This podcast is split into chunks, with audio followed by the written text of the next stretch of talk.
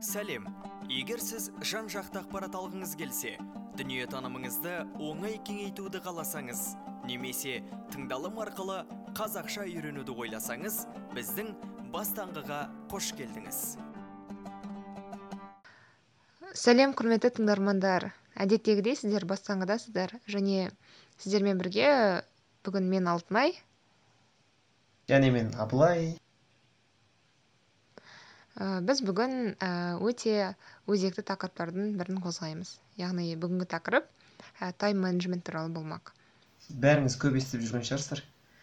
Ә, дегенмен де осындай қазіргі заманда енді өте көп естісек те құлағымыз жауыр болсақ та бірақ дегенмен де ә, бұл бір маңызды тақырып болып тұр. Сондықтан эпизодты осыған арнасақ деп шештік. Иә жалпы қазір тайм менеджмент деген бұл бір өнер болып тұр ғой. Жалпы уақытты басқару тиімді пайдалану бір уақытыңның бір берекетті жұмсалуы деген секілді сұрақтар. Қазіргі қарбалас заманда негізі көптеген адамның көкейінде жүрген ә, мәселе сияқты.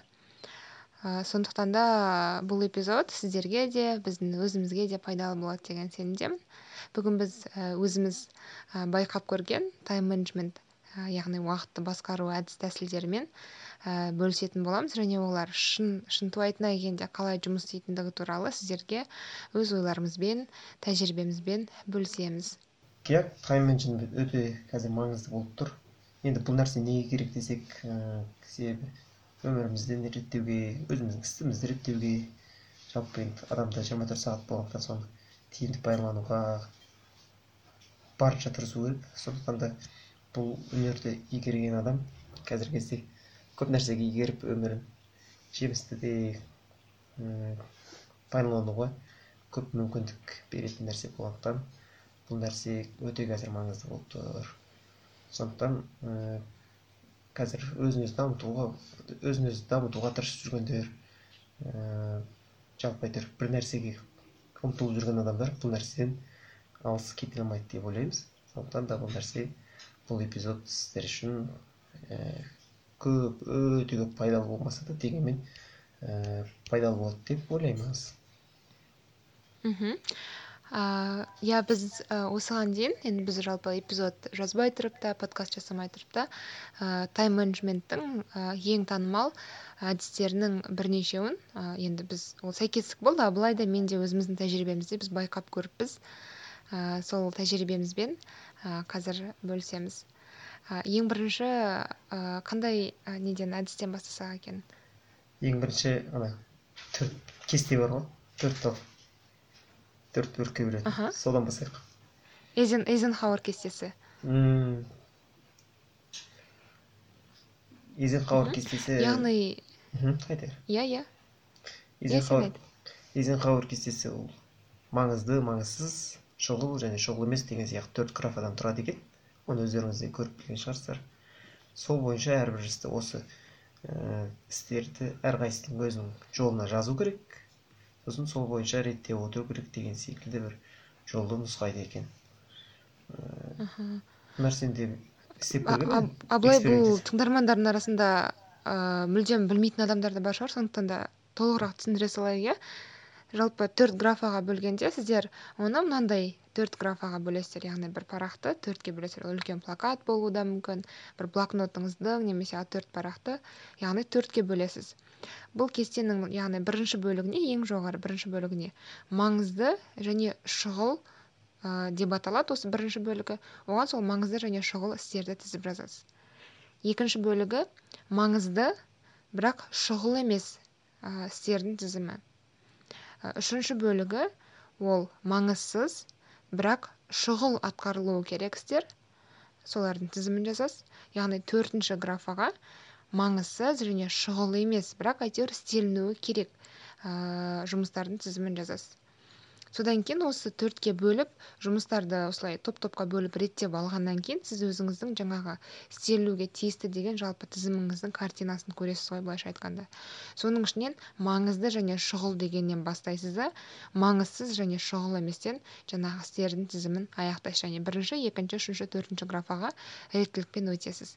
Біз осы істі яғни осы эйзенхауэр кестесін өзіміздің тайм менеджментті яғни уақытымызды басқару үшін пайдаланған болатынбыз. Енді бұл біздің тәжірибемізде қалай болғандығы туралы айтатын болсақ.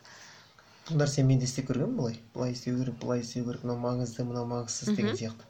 Бірақ бұл нәрсенің жалпы бір анализ жасауға болады. Бұл, бұл менің ә, өмірімде пайдаланған кезде жалпы күнделікті өмірде тәжірибеде. Сол кезде бұл нәрсемен тізімдердің әйтеуір бір істердің тізімдері шықты. Мынаны істеу керек былай істеу керек бірақ дегенмен де бұл кестенің бір кемшілігі бұл артықшылығы осы нәрсе болса яғни қай нәрсенің маңызды маңызсыз екенін шұғыл шұғыл емес екенін бөліп алғанымен бірақ бұл нәрсеге бір дегенмен бір кемшілігі толық тұру керек та бұл кестенің бір қосымшасы сияқты ретінде бұны енді қашан жасаймын қалай жасаймын деген сияқты бір қосымша бір түсініктемелер болса бұл кестенің өмірге асуы көп пайдалырақ болар еді. Сондықтан ә, сол жерінде бүйтіп кесте сол күйінше тізімін жазасың. Сол жерде қалып қалатын бір жаман әдеті бар да. Соны қоясың болды бітті тұрып қалады сол бір жерде. Мхм. Сен бұл кестені қаншалықты ұзақ пайдаландың абок? Білмеймін бір рет сыздым. Әйтеуір былай былай былай маңызды деп. Бірақ одан кейін бір пайдаланбадым одан пайдалана алмадым ба? Өзім реттей алмадым бұл әйтеуір құр жазғаным сызғаным болмаса оны ары қарай алып кете алмадым. Мм алып кете алмаудың бір нақты себебі не болды деп ойлайсың? бір маңызды себебі. Сол бір уақыттарын белгілеп шегеріп жаңағыдай кәдімгідей бір нақтылық жетіспеген шығар деп ойлаймын. Нақтылық иә түсінікті. Мен де бұл кестені пайдаланған болатынмын. Бірақ ә, қызық нәрсе бұл кесте менің өзі тығыз жетіспейтін уақытымды одан сайын нығыздап тастайтын сияқты болды. Яғни бұл кестені яғни уақытыңды реттеу үшін бұл кестені жасаған кезде ең бірінші сен жалпы жұмыстарыңның істеліну керек іс әрекеттердің тізімін жасайсың. Одан кейін оны аласың да сен оларды жіктейсің. Одан кейін жаңағы сен айтқан жаңағы нақтылықтарды белгілейсің. Одан кейін барып іс әрекетке көшесің.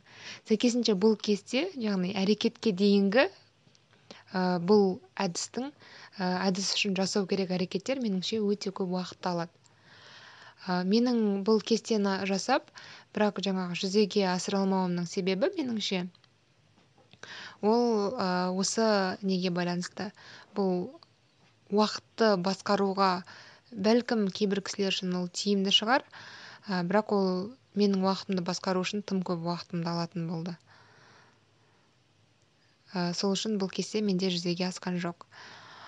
Бірақ та егер де сіздер ә, бұны байқап көрсеңіздер болады. Мысалы бұл ә, меніңше жаңағыдай үлкен қызметтегі сондай адамдар үшін маңызды секілді. Немесе бұл кестені неге бөліп тастау керек секілді? Мысалы тек қана жұмыстағы тапсырмаларға ғана бөліп тастау иә, керек иә, секілді. Бір жалпы тек қана деген сияқты. Иә иә сондай топтық тапсырмалар. Ал былай мысалы жалпы тұлғалық жоспарлауға ол келмейтін секілді себебі біздің жаңағы ә, біздің кәсіби бөлігіміз бар иә мысалы біз жұмыстағы іс әрекеттеріміз бар қосымша дамуға қатысты жаңағы волонтерлік іс әрекеттеріміз бар одан бөлек жаңағы ә, оқуымыз бар қосымша деген секілді нәрселердің барлығын алып келгенде біз әрқайсысына бөлек бөлек жоспар құруымыз керек болады сәйкесінше. Оның барлығын біз тізбектейтін болсақ мысалы маңызды және шұғыл істердің тізімі көп болып кеткен кезде адам ол үлкен ана нені листті көрген кезде яғни тізімді.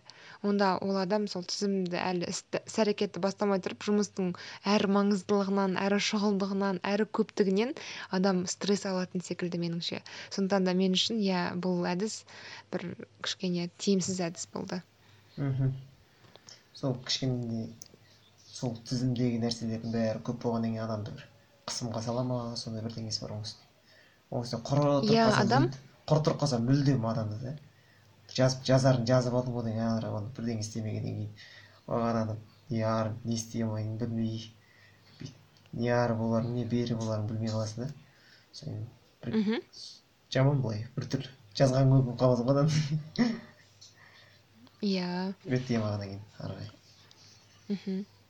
Бірақ енді тыңдармандар ә, бұны өздерінің өмірлерінде пайдаланып көрсе ә, сіздердің егер осы эйзенхауэр кестесі сіздерге пайдасы тиген болса немесе сіздердің араларыңызда да пайдаланып көрген адамдар болса меніңше ә, талқылауға өте қызық секілді иә? Себебі Иә, бізде бұл абылай екеумізде де жұмыс істемеді иә? Екеумізде де жұмыс істемеді. Енді бұл тыңдармандарда қалай болған екен деген сияқты. Келесі тәсілге көшейік. Ол ә, жаңағы осы неден шығайық жаңағы нақтылық жетіспеді дедік. Енді біз нақтылықты қосу үшін біраз жаңағы туду лист дейді ғой.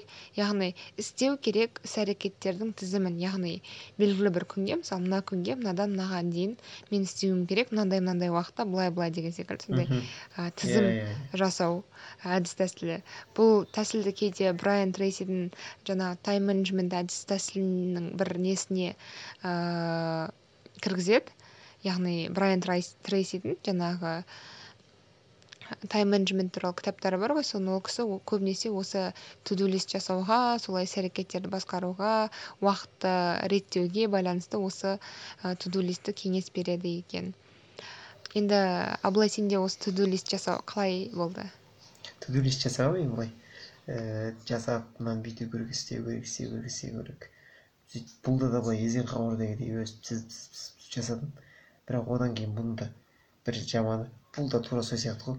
Ары қарай істемегеннен кейін былай бір екеуін істейсің да содан үшіншісін істемей қаласың.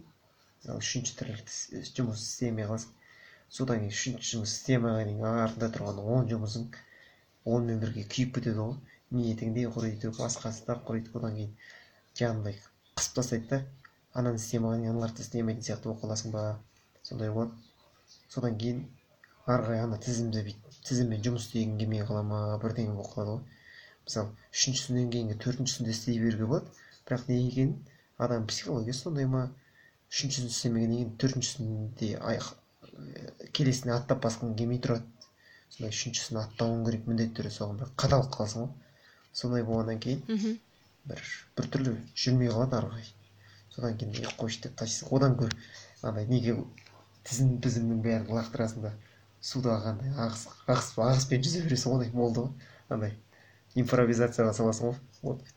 Әйтеуір таңертең мынаны істеу керек па аға бересің ғой бір ағынымен бүйтіп бүйтіп. Бірақ дегенмен де бір нәрсенің жетіспейтінін түсінесің. Бір реттілік бір дегенмен жүйе керек ау деп ойлайсың. Бірақ жүйеге түссең өзіңді өзің қармап не қылғандай қоршауға салып тастайсың. Ал қоршауға салғаннан кейін тағы бірдеңе болады. Одан гөрі бүйтіп әйтеуір ағып жүре бергенім жақсы сияқты деп адам көп уақытын жоғалтып алатын сияқты. Мен де сөйтіп біраз уақытын жоғалтып алған сияқтымын. Жоғалтып алдым ғой негізі. Әйтеуір қазір кішкене реттеуге тырысып әйтіп бүйтіп бүйтіп жүріп қой. Бірақ сөйтіп жоғалтып алған кездер болды. Бір әйтеуір бір уақытта да өзіңді реттеуге бүйтіп өзің бүйтіп нормамен ұстап жүр ұстап ұстап жүресің содан кейін. Бірдеңе болмай қалғаннан кейін алып кетесің ғой ой қойыңдар шығар деген сияқты. Сондай кездер болған негізі. Сондай сондай несі болады? Кедергісі бар бұның. М, а, бұл тәсілді яғни лист жасаудың сенің мысалы неге жоспарыңа немесе ең құрығанда белгілі бір уақыттық а, жаңағы продуктивтілігіне па- тиген пайдасы болды ма? Былай дегенмен біраз нәрселерді бітіріп алдым. Бірақ дегенмен басқа да қалып қалған дүниелер бар. Ол нәрселер әлі тұр ғой. Бірақ дегенмен істелетіндер істеліп жатыр. Бірақ м, сол біреуін аттай алмағаннан кейін келесіне де барғың да келмей қалады былай. Бүкіл ниетің құрып кетеді ғой. Сол жері жаман. Сол сонан болғаннан кейін жүрмей қалды деп ойлаймын мен өз басым. Со- содан кейін қазір ондай Сеніңше осы- аха.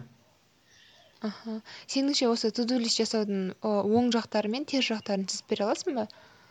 Оң жақтары жалпы қандай істі істеу керек екенін бір жобамен былай жүз пайыз білмесең де былай дегенмен ойыңда жүрген нәрселерді реттеп аласың. Бірақ оны реттеп алғаннан кейін бітті ғой сол тізім бойынша істеуім керек деген сияқты бір робот сияқты бір тізімге неге түсесің да сондай бір режимге түсесің да робот сияқты содан бірден бастап бірден баста біріншісін істейсің содан екіншісін істейсің сөйтіп бір дегенмен сондай бір реттілік жоқ та бұнда да қайсысы маң бұдаған бұған осы изенхауэр әдісімен туду листті қосып сосын тағы бір нәрсені қосса бір жақсы бір несі шығатын сияқты андай ііі бір жақсы бір жүйе шығатын сияқты мына мысалы туду листте қандай істер керек болса мысалы эйзенхауэрде маңызды маңызсызын реттеп беретін болса ал енді бір үшінші бір жүйе керек. Оны қашан қалай деген сияқты не істеуге болады деген сияқты бір кішкентай кішкентай кішігірім сұрақтар шешіп отыратын бір андай икемді бір жүйе болса онда көп адамды андай қысымға да салмайды ә, істерін де ұмытпайды деген сияқты нәрсеге келетін секілді. Мм өзіңе қалай әсер етті менде? Жасап едің иә мен негізі осы туду листпен ә, бакалаврдың көп бөлігін өткіздім. Және мен осы бакалаврдегі продуктивтілігіме негізгі себеп болған осы туду лист болды. Ол кезде мен тайм менеджмент деген түсінікпен қатты таныс болған жоқпын. Бірақ осы бір кісі сол брайан трейсидің эффективный тайм менеджмент қой деймін қателеспесем кітабы осындай кішкентай ғана кітап соны маған кеңес берді сол жерден туду лист жасау осы туду листке арналған бағдарламалар деген секілді нәрселермен таныстым. Содан кейін осы туду лист құрып жүретін болдым. Ыыы яғни мен ыыы жаңағы қазір айтамын туду лист жасап жүретін болдым және мен продуктивтілігіме ол оң әсерін берді. Яғни осы туду лист мен үшін жұмыс істеді біраз уақыт. Ыыы оның ә, жұмыс істеуіне себеп болған менде мынандай нәрселер болды. Мен оған ұсақ нәрселерді жазбайтынмын. Яғни ұсақ істеу керек әрекеттерді жазбайтынмын. Бірақ көбінесе продуктивтілікті жүз пайыз орындау үшін ә, ұсақ нәрселерге дейін жоспарлау керек деп айтылады тайм менеджменттің ережелерінде. Бірақ мен ол жерге өзімді андай ұзын тізіммен ұзақ андай қатты стресске салмау үшін мен ұсақ ұсақ іс әрекеттерді жазбайтынмын. Мысалы түскі асқа бару деген секілді. Мен тек жазатынмын тек мына уақыт пен мына уақыттың аралығында ұйықтау немесе мына уақытта таңертең ұйқыдан тұру мысалы таңғы төртте немесе таңғы алтыда тұру деген секілді уақыт белгілеп қоямын. Сол уақытта ұйқыдан тұрамын. Содан кейін ә, маңызды нәрселерді түртіп түртіп қоямын мысалы бір сабақ тапсырудың ә, немесе бір жұмысты тапсырудың дедлайны болса соған белгілеп қоямын осының дедлайны осыны жіберуім керек немесе тапсыруым керек деп. Одан кейін жұмысқа баруым керек сабаққа баруым керек. Ә, одан кейін маңызды уәделер беріп қойсам сол күнге мысалы он алтыншы қазан дейік мысалы он алтыншы қазанға мен мысалы абылайға кездесуге келісіп қойсақ онда он алтыншы қазан абылаймен кездесу деген секілді нәрселерді үлкен үлкен нәрселерді ғана белгілеп қоямын. А қалған оның арасында біз күнделікті істейтін іс әрекеттер ол өзінің ретімен жүре беретін болды. Әрине кейде мысалы түскі асқа бір сағат кейін шығып қалуым мүмкін бір сағат ер, ә, немесе ерте шығып қалуым мүмкін деген секілді. Бірақ оның барлығы маңызды емес. Мысалы өйткені ә, менде ә, кейін бакалаврды бітіргеннен кейін сол туду листті мен ә, модификациялап ары қарай ә, дамыттым. Дамытқанда мен оған детальдар қостым оны детализация жасаған кезде менде сол туду листтің жаңағы сен айтқан мәселелерге жолықтым мен. Жаңағы мен оны детальдадым. Мысалы таңғы төртте ұйқыдан тұрамын жаңағыдай тамағымды ішемін мысалы сабағымды оқимын одан кейін жұмысқа барамын одан кейін жұмыста мынаны істеймін сағат мынаншадан мынаншаға деген уақытымен ә, кәдімгідей жұмысты қалай істеймін қалай бастаймын аяқтаймын деген өте үлкен детальдармен ұсақ түйек іс әрекеттерге дейін ә, мен жаңағы тамақ ішу бір жаққа шығу деген секілді нәрселердің барлығын жоспарлайтынмын. Жаңағыдай одан кейін оны жоспарлағаннан кейін ортасында жаңағы бір әрекетті тоқтатсам ол уже келесі әрекетке көшуім мені қиындайды. Яғни ортада бір әрекет менде фейл болды ғой сәтсіз болды. Одан кейінгі әрекетке менің көшуім қиындайды да мен оны жасауға мотивациям да құрып кетеді. Мен уже одан кейін тіпті жаңағы ұсақ нәрсені ортасындағы ұсақ нәрсені мен істемей қалдым ба менде яғни жоспарымда бір ағаттық кетті ма одан кейінгі үлкен нәрсеге мен мотивациям құриды одан кейінгі уже келесі үлкен нәрсеге менде тағы да мотивация жоғалып кетуі мүмкін да. Сөйтіп мен мүлдем ә, мысалы әрекетсіздікке көшіп кетуім мүмкін. Сосын кейін сен айтқандай жаңағыдай ағынға ілесіп қолымды бір ақ сілтеп кетемін сөйтіп менде туду лист ә, біраз уақыт жұмыс істемей қалды. Сөйтіп мен мүлдем ешқандай тайм менеджмент ә, әдіс тәсілінсіз өзімді ұзақ уақыттық ағынға жіберген кезім болды.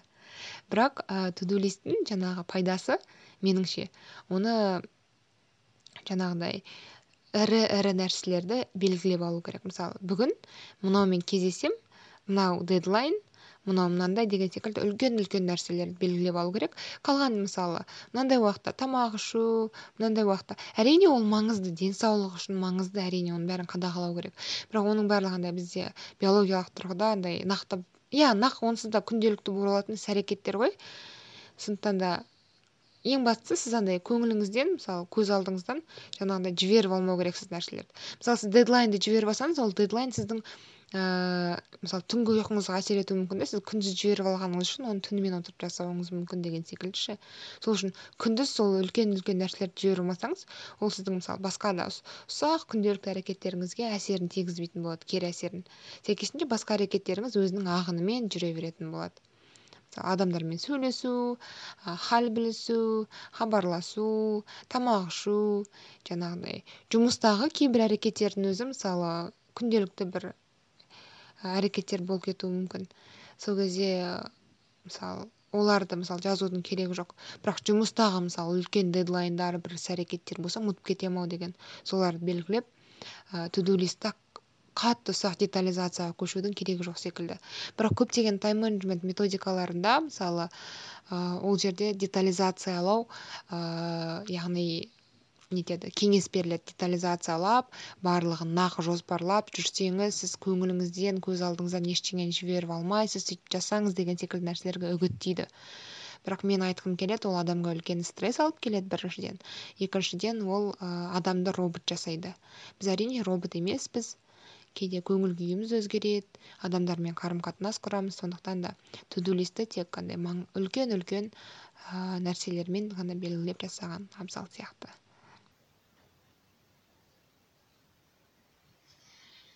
Иә сондайлар бар шынымен ақ дұрыс айтасың енді келесі біреу бар ғой. Мхм. Ә, помодоро әдісі деген. Иә қызанақ.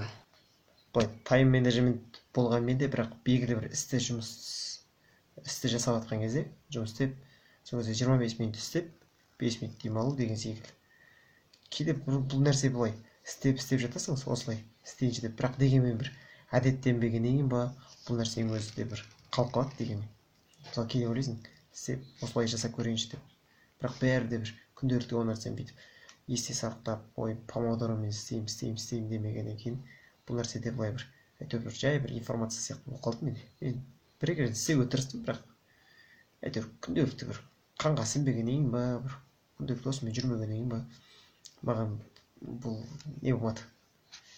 Қонбады дейін ба қалай. Мхм қызанақ әдісі иә? Өзіме нете алмадым иә пайдасын ала алмадым иә дұрыс. Мхм. Пайдалана алмадым. Иә тыңдармандарға түсінікті болу үшін тағы да айта кетейік. Қызанақ әдісі деген ыыы ол осындай тайм менеджменттегі бір әдістердің бірі. Ыыы бұл әдіс бойынша мысалы қарапайым тілмен түсіндірсек сіз бір іс әрекетті мысалы ә, кітап оқу делік. Сіз кітап оқуды мысалы жиырма бес минутқа мысалы белгілі бір уақыт белгілеп қоясыз. Мысалы он бес минутқа қойсаңыз болады жиырма бес минут енді уақытты өзіңіз белгілейсіз. Мысалы бір сағат делік. Бірақ енді қатты ұзақ уақытқа белгілеуге кеңес берілмейді. Мысалы орта есеппен жиырма бес минут делік жиырма бес минут кітапты оқисыз ыыы мысалы жиырма бес минутта мысалы он бет оқыдым делікші. Немесе бес бет оқыдым делік. Жиырма бес минутта бес бет оқыдым одан кейін сіз он бес минут демалыс аласыз. Он бес минут демалыста жүріп ары бері жүріп келесіз тұрып немесе барып тамақ ішіп келесіз деген секілді. Ол кітаптан жиырма бес минут ана кітапты оқығаннан кейін қалған он бес минут демалыс қоясыз яғни таймер қоясыз кәдімгідей. Жиырма бес минутқа таймер қоясыз ешқай жерге қарамайсыз тек қана сол кітапты оқисыз. Одан кейін жаңағы таймер шырылдаған кезде он бес минут сіз демаласыз кәдімгідей ол кітаптан бас аласыз он бес минут демалыста ол екінші кітап оқып кету деген сөз емес. Он бес минут сіз кәдімгі кітап оқудан тыс басқа бір андай физикалық іс әрекет жасау маңызды деп есептеледі. Ә, бұл қызанақ ә, әдісі негізінен оқуда жаңағы неде ә, пайдаланған тиімді деп айтып жатады. Қызанақ демалыспен иә демалыс. Жұмысты араластырып отыру үшін демалып бір жағынан жұмыс істеп иә. Бір жағынан шаршап кетпес үшін аха иә. Бірақ қызанақ әдісін мен де пайдаландым. Ә, менде де жаңағыдай оқу кезінде қызанақ әдісі пайдалы болды. Бірақ менде қызанақ әдісі толық жұмыс істеген жоқ. Неге дейтін болса менде қызанақ әдісі былай жұмыс істейтін. Мен мысалы қызанақ әдісін мен қытайда жүрген кезде пайдаландым ғой деймін оқып жүрген кезде. Ә, сол кезде мен мысалы бүйтемін ә, жарты сағат немесе ә, бір қырық минуттай мен бір мақала ғылыми мақала оқимын деп шешемін. Сосын сол мақаланы ашып оқимын. Бірақ артынан оны алам да қалған жиырма минутында демалғанның орнына мен алам да қалған жиырма минутында басқа бір сабақтың лекциясын оқимын ғой. Сосын будильник біткеннен кейін қалған қырық минутта қайтадан жаңағы ғылыми мақалаға көшемін. Яғни ә, былайынан келгенде артынша келгенде мен миым яғни жаңағы нәрседен демалмайды екен. Яғни мен ары қарай білім алып жатырмын. Мен одан да жаңағы жиырма минутта бір физикалық қозғалыс жасауым керек. Яғни мен бұл әдісті толық зерттемеген сияқтымын сол кезде. Немесе мен ә, демалу деген нәрсені білмейтін сияқтымын. Негізі менде сондай кемшілік бар. Мен демалыс деген нәрсені аса білмеймін. Мен үшін демал менің демалу формаларым өте біртүрлі өйткені мен демалу формаларымды менің ата анам жақындарым көбісі түсіне бермейді. Мысалы мен мен ойлайтынмын қызанақ әдісі бұл бір істен екінші көшу деп. Сөйтіп жиырма бес минут мен бір іс істесем қалған он бес минут соған ұқсас екінші іс істейтінмін мысалы қара. жиырма бес минут мен подкаст жазсам қалған он бес минут мен алдыңғы эпизодты немесе келесі аптада шығатын эпизодты монтаж жасауым мүмкін. Сосын жиырма бес минут қайтадан сөйтіп жазамын да он бес минут қайтадан монтаж жасаймын. Немесе солай ауыстырамын да мысалы қара сонда мен өзімді өзім нетіп жатырмын ғой қинап жатырмын ғой былайша айтқанда. Содан кейін бірақ ол бірақ ол былай қатты тақал қалған нәрсе емес сияқты ғой. он бес минут отыруың керек деген. Демек саған басқа нәрсе демалыс сыйлайтын болса сонымен де алмастыра беріп сен сияқты жұмыс істей беруге болады деп ойлаймын ғой. Иә бірақ сен демалып тұрсаң бірақ ол ол дейтін жағып жағып тұрса жақсы ғой. Бірақ ол дейтін ми үшін адамның миы үшін ол демалыс емес қой. Қара мәселе қызық нәрсе содан басталады ғой. Мысалы біз ә, мысалы ә, сіз егер де бір кітап оқып отырдыңыз делік сосын кейін мысалы жарайды абай жолын оқып отырсыз? Жиырма бес минут бойы абай жолын оқисыз да он бес минут. Будильник шырылдады таймер шырылдады. Таймер шырылдағаннан кейін сіз аласыз да он бес минутта қан мен терді оқисыз. Он бес минут өткеннен кейін қайтадан абай жолын жиырма бес минут оқисыз деген сияқты ғой. Мм мысалы олай болмайды да сіз оны әр жиырма төрт сағат қайта қайта жиырма бес минутқа бөліп бөліп тастаудың қажеті жоқ сіз сол жиырма бес минутты жиырма төрт сағатқа бөліп тастасаңыз болады таңертең жиырма бес минут сосын он бес минут демаламын содан кейін кешкісін жиырма бес минут тағы он бес минут демаламын деген секілді сөйтіп ол уақытты әртүрлі уақытқа бөліп тастасаңыз да болады негізі бірақ менде ол нәрсе жұмыс істемейтін себебі менде андай әдет бар да. мен бір нәрсені бастасам мысалы монтажға менің үш төрт сағат уақытым кете ма эпизодтың монтажына мен сол монтажды бітірмей басқа іс әрекетке көше алмаймын. Ә, нете алмаймын. Концентрация ұстай алмаймын басқа ештеңеге. Тіпті демалысқа да ұйқыға да ештеңеге. Мен соны бітіріп орнымнан бірақ тұрамын. Мхм. Меніңше қызанақ әдісі көп адамдарда сол үшін жұмыс істемейтін сияқты. Оған не себеп? иә оған не себеп екенін білесің ба бака қара. Мынандай ғой. Режим потока деген бар. Яғни ағын ә, режимі деп атаймыз ғой қазақша. Режим потока деген мысалы қара. Мен подкаст жазам сосын подкаст жазғаннан кейін екеуміз осыны дауысым жазып алғаннан кейін мысалы оны форматын аламыз да. Біз ноутбукқа жүктеп мен мысалы эпизодқа кірістім эпизодты монтаждауға кірістім делік иә. Мен оны кіріскен кезде мен неде потокта боламын яғни мен ағында отырамын яғни менің бар ойым жаңағы монтажда болады да мен оның жаңағы үш сағаттың өткенін білмеуім мүмкін. Бірақ шынтуайтына келгенде үш сағат өтіп кетеді да мен бірақ жаңағы ағын режимінде отырамын яғни режим потока дейді мен өзіме сондай бір кейбіреулер айтады мысалы шабыт келді мен бас алмай төрт бес сағат жұмыс істеп тастадым. Негізіне шынтуайтына келгенде ол андай бір шабыт келді деген ол адам өзінің жаңағы миын жаңағы физикалық күйін жаңағы неге ағынға салады. Сол бір іс әрекетке қатысты немесе бір жұмысқа қатысты. Сосын адам ойымен тәнімен жанымен сол толығымен сол жұмысқа кіріп кетеді да соны бітірген кезде бірақ шығады сол нәрседен. Бірақ потокты үнемі yeah, иә, иә. жаңағыдай ағынды үнемі қайталай беруге болмайды себебі адам физикалық және жаңағыдай ә, саналық тұрғыдан адамның миы шаршап кетеді. Меніңше жаңағыдай помодоро әдісі негізі адамның иә. Потокпен бір нәрсені істейсің былай шын ниетіңмен бүйтіп беріліп тұрып.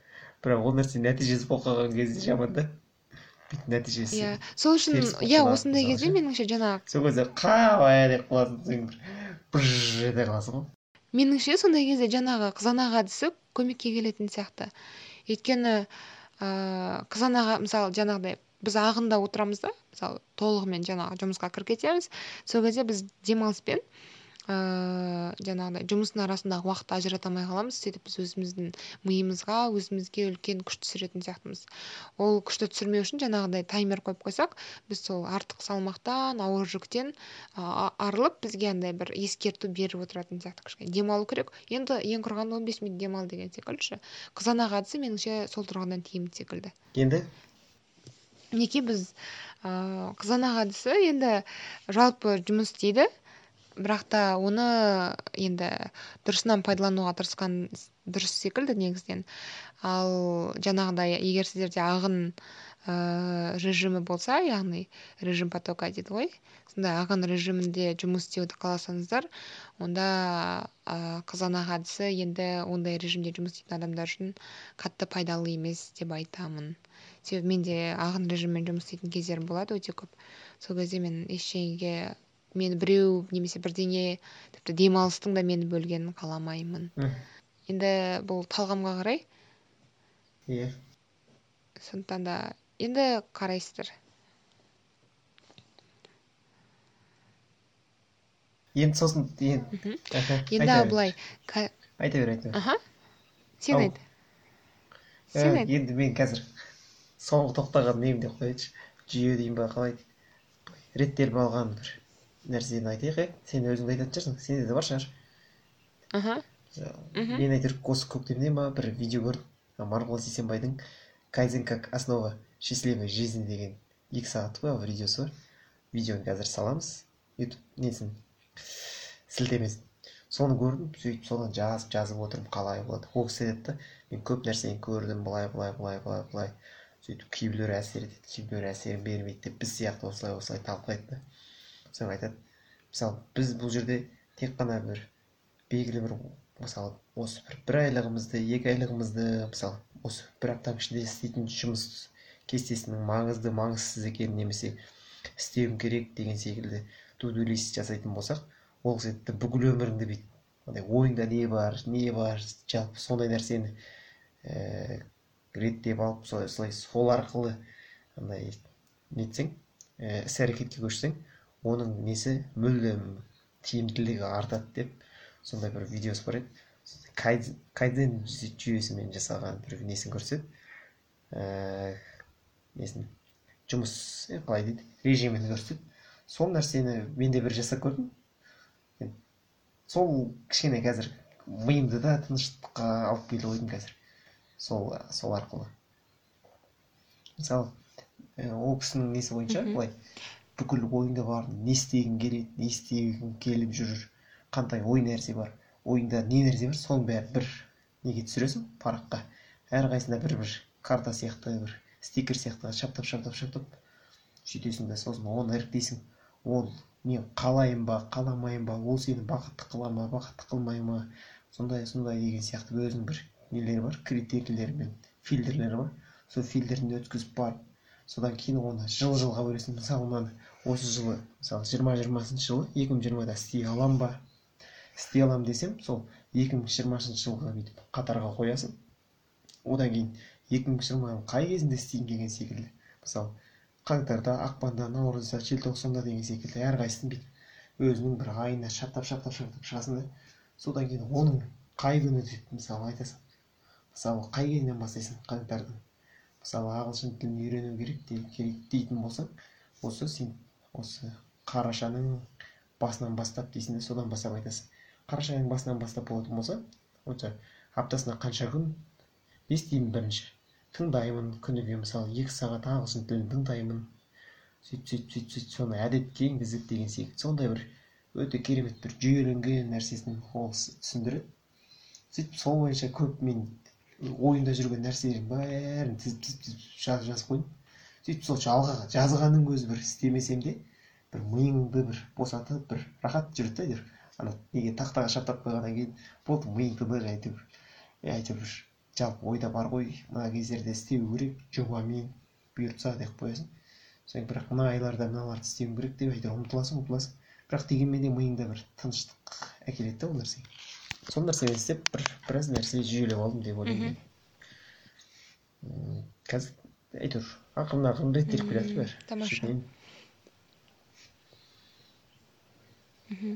осы тәсілді тыңдармандарға кеңес бересің ба ау осы тәсілді тыңдармандарға кеңес бересің ба беремін бір өмірін бір қалай бір неден өткізуге ә, түрткі болады да андай фильтрден өзіңнің өмірін бір сүзгіден өткізуге қалай болады не істеймін қалай болады. бір белгілі бір өмірлік маңызы бар сұрақтар қоюға итермелейді осы нәрсе. Мысалы өмір бір ақ рет беріледі десек өмірді мен қышымен қоса өткізгім келе ме деген секілді.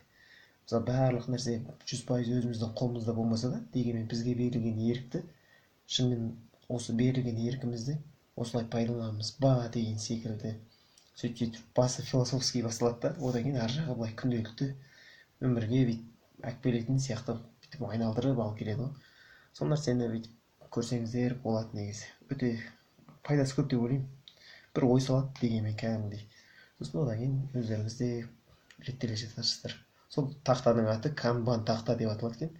Канбан деген нәрсе негізі мындай қалай деуге болады? Ә, карточкалар ма? Сондай ғой канбан деген нәрсе. Карталар тақтасы ғой. Жаңағы әрбір істің өзінің картасы болады. Соны шетінен жылжытып мысалы бүгін істеймін иә сол тақтада мынандай қатар бар. Мысалы осы айда істейтін ә, бірінші мысалы бір тақта болса соны бөледі бүйтіп бүйтіп әрбір тақ нелерге. Столбик дейді ғой. Бағанаға бөледі. Мысалы біріншісі осы айда істейтін жұмыстар. Содан кейін ә, одан кейін уақыты деген секілді. Одан кейін бүгін істеуім керек. Сосын мысалы мен ә, істеп қойдым. Мысалы ә, біреулерге мысалы сіз бір нәрсені істеп біреуге оны біреуге тапсырасыз? Мысалы мен өзімнің істейтінімді істеп келесі бір әріптесім соны жалғайтын болса мысалы мен істерімді істеп қойдым. Ол іс келесі бір адамның мойнында жауапкершілігінде деген секілді бір қатары бар. Одан кейін соңында істелді жұмыс орындалды деген секілді бағана бар. Сонда сіздің бағана ана нелеріңіз карталарыңыз әрбір сайын күнделікті бүйтіп жұмыс істеп отырсаңыз бүйтіп бір бірімен ойнап отырады. ғой бүгін мысалы мынаны тық тық кетіп қоясыз оның үстіне андай бұның адамды қыспайтын себебі мысалы бүгін істей алмасаңыз да оның несі жоқ сөкеттігі жоқ. Бопты келесі жолы істейсің әйтеуір әйтеуір тақтада тұр деген секілді. Сөйтіп әйтеуір болмай қалса да ертең істейсің деген секілді былай былай былай реттеп алуға болады да сондықтан пайдалырақ несі көп миға көп қысым келмейді да. Солай көрсе болады деп ойлаймын. Тамаша екен мен жалпы осы кайдзен ережелері туралы көп естігем. Бірақ ә, осыған бір көңіл бөлем осыны мен өз тәжірибемде пайдаланып көремін ау деген нәрсені мен мүлдем ойлап көрмеппін. Бірақ меніңше қазіргі менің пайдаланып жүрген ыыы ережелерім енді жаңағы тәжірибеден өткендер бар. Соның барлығын модификациялап өзіме ыңғайлы қазір бір нені тәсілді пайдаланып жүрмін. Енді сол тәсіл меніңше осы сен айтып отқан ережеге сәйкес келетін сияқты. Ең бірінші айтқандай менде әрқашан мен жылдық жоспар жасаймын. Үлкен менде жоспарлар бар. Яғни мен өміріме қандай нәрселер жетіспей жатыр не қай жағынан дамуым керек осы жылы деген секілді үлкен жоспарлар жасаймын. Қатты көп емес онға жетпейтін сондай ғана қылып жасаймын.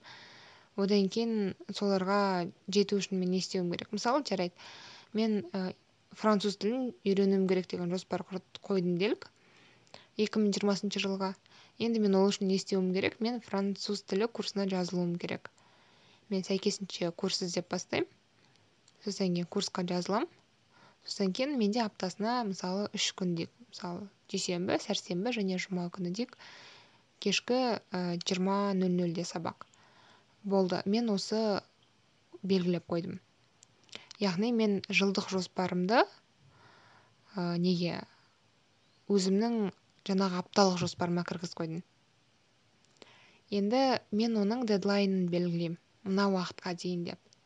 Сәйкесінше мен ол курсты сол уақытқа дейін ғана белгілеймін. Мысалы мен тоғызыншы айдың жиырмасына дейін осы француз тілінен б бір деңгейін алып шығамын деп белгілеймін болды. Соғанға дейін жаңағы соған сәйкес курсты таңдаймын мұғалімді таңдаймын. Сосын жаңағы күнін белгілеп қоямын. И соған ыыы аптаның үш күнін бекітіп қойдым үш сағатын. Болды. Сол менде сол жылдық жаңағы француз тілі жоспарыма жетуіме әсер етеді. Содан кейін жаңағы дүйсенбі сәрсенбі жұма күнгі ә, жоспарымның кестесіне жаңағы жиырма нөл нөлден жиырма бір нөл нөлге дейін мысалға айтайын француз тілі сабағы менде тұрады. Ол менің жаңағы уже күндік ережеме енді. Келесі одан кейін мен менде осы жазда тайм менеджментпен кішкене тағы мәселелер бір қиындықтар болып кетті сол кезде мен ә, тағы бірдеңелер дұрыс емес деп жүрген шығармын деп тайм менеджмент кітапқа жүгіндім. Эффективный тайм менеджмент деген кітап. Ой экстремальный тайм менеджмент деген ә, ресей авторларының кітабы. Енді қатты өзімді қинағым келген жоқ. сөйтіп бір жеңіл кітаптардың біреуін таңдадым. Сол жерде кеңес беріледі өмір дөңгелегін құруға яғни колесо жизни дейді ғой. Өмір дөңгелегі мен үшін өте ғажап нәрсе. Ыыы яғни мен таңдаймын. Дәл қазір ол жерде андай болашақтағы жүз жылдан кейін бес жылдан кейін бір жылдан кейінгі өмірің емес. Жаңағы ә, бір аптадан кейінгі өмірің емес. Жалпы дәл қазіргі өмірің. Сенің сол өмір дөңгелегінде. Сызасың. Сосын оны жаңағы сегіз бөлікке бөлесің ол дөңгелекті. Бірінші бөлігі ол жаңағы денсаулық және спорт. Мысалы денсаулық және спортта мен м дзюдоға жазылу дейінші. Мысалы дзюдомен айналысып бастау мен бала кезімнен бергі арманым болған. Мен бұл дзюдоға жазыламын деп соған тапсырма қоясыз. Сөйтіп сіз жаңағы белгілейсіз одан кейін мысалы екінші бөлігі ол өмір дөңгелегінің. Ол достар мен сізді қоршаған орта. Ол жерде мысалы сіз нетворкингті дамыту деп қойсаңыз болады тапсырма. Одан кейінгі үшінші баған ол қарым қатынас пен отбасы. Бесінші баған ол сіздің кәсібіңіз бен бизнесіңіз туралы. Одан кейінгі баған қаржы одан кейінгі баған жеке даму одан кейінгі баған бағаны ә, рухани даму және шығармашылыққа арналады. Және ең соңғы бағаны ол ә, өмірдің жаңағыдай жарқын сәттері деп аталады. Осындай сегіз бағанға сол дөңгелекті бөлесіз. Содан кейін осының барлығын сіз белгілі бір шкаламен бірден онға дейін яғни нөл мен онның аралығындағы шкаламен белгілейсіз. Мысалы менің ә, жаңағы денсаулық және спорт ә, бөлігі жаңағы дөңгелектің ол мысалы бір дейік иә. Мысалы мен ешқандай спортпен айналыспаймын денсаулығым үшін ештеңе істемеймін әйтеуір тамақ ішіп ұйықтап жүргенім болмаса. Яғни мен оны бірге ғана бағалаймын. Енді мен денсаулығымды қолға алуым керек. Ол үшін не істеймін? Жаңағы дзюдоға жазыламын деп тапсырма қоясыз. Болды. Сөйтіп әрбір өміріңіздің бөлігін бағалайсыз. Сол жерде қай өміріңіздің бөлігі ақсап тұрғанын сіз көресіз осылай көзіңізбен. Мысалы сізде жұмысыңыз бен жаңағы кәсіп дедік қой. Ол сізде мысалы алты алты баллмен бағалауыңыз мүмкін. Бірақ жаңағы рухани жағыңыз бен жаңағы шығармашылық жағыңыз сізде үште тұруы мүмкін. Сәйкесінше сізге жаңағы рухани және шығармашылық жағыңызды дамытуға қажеттілік туындап тұрғанын көресіз. Яғни сіздің қай жағыңыз ақсап тұрғанын көз алдыңызға шығарып береді ғой. Содан кейін соны өзіңіздің жаңағы құндылықтарыңызбен мақсат жоспарларыңызбен жалпы өмірлік байланыстырып енді соған байланысты сол мәселені шешуге байланысты тапсырмалар қоясыз. Сөйтіп ә, сіздің ә, қай өміріңіздің бөлігі ақсап тұрғанын көріп соған белгілейсіз. Мен қазір осы өмір дөңгелегін пайдаланамын яғни өзім жылдық жоспарларым орнында қалады. Сол жылдық жоспарларымды жету үшін әрекеттерімді реттеймін. Одан кейін мен өмірімнің қай саласы ақсап тұрғанына үнемі назар салып тұрамын. Мысалы менде болады кейде мен жұмысқа көп немесе оқуға көп көңіл бөліп кетемін да. Менің жаңағы спорт көңіл бөлмей кетемін немесе мен жаңағыдай рухани даму шығармашылыққа көп көңіл бөліп кетемін да.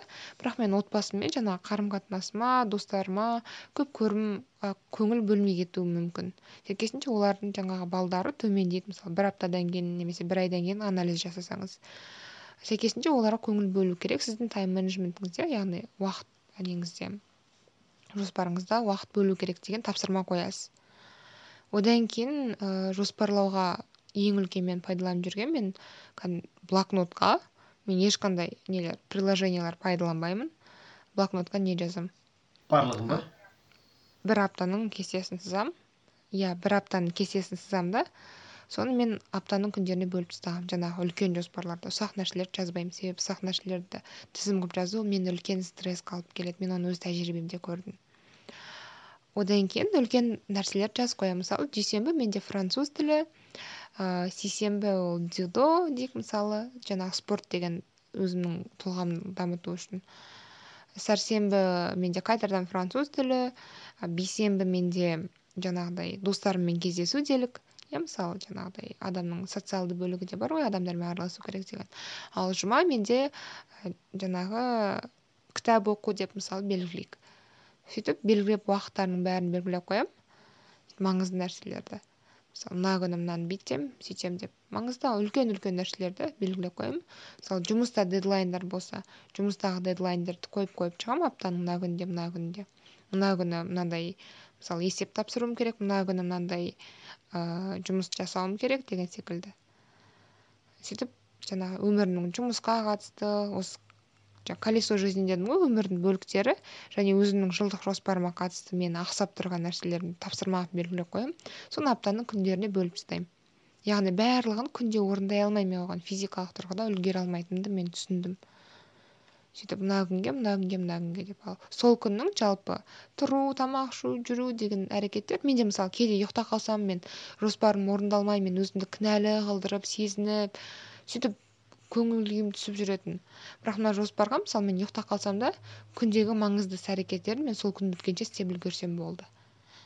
Сөйтіп өзіме жеңілдік жасаймын.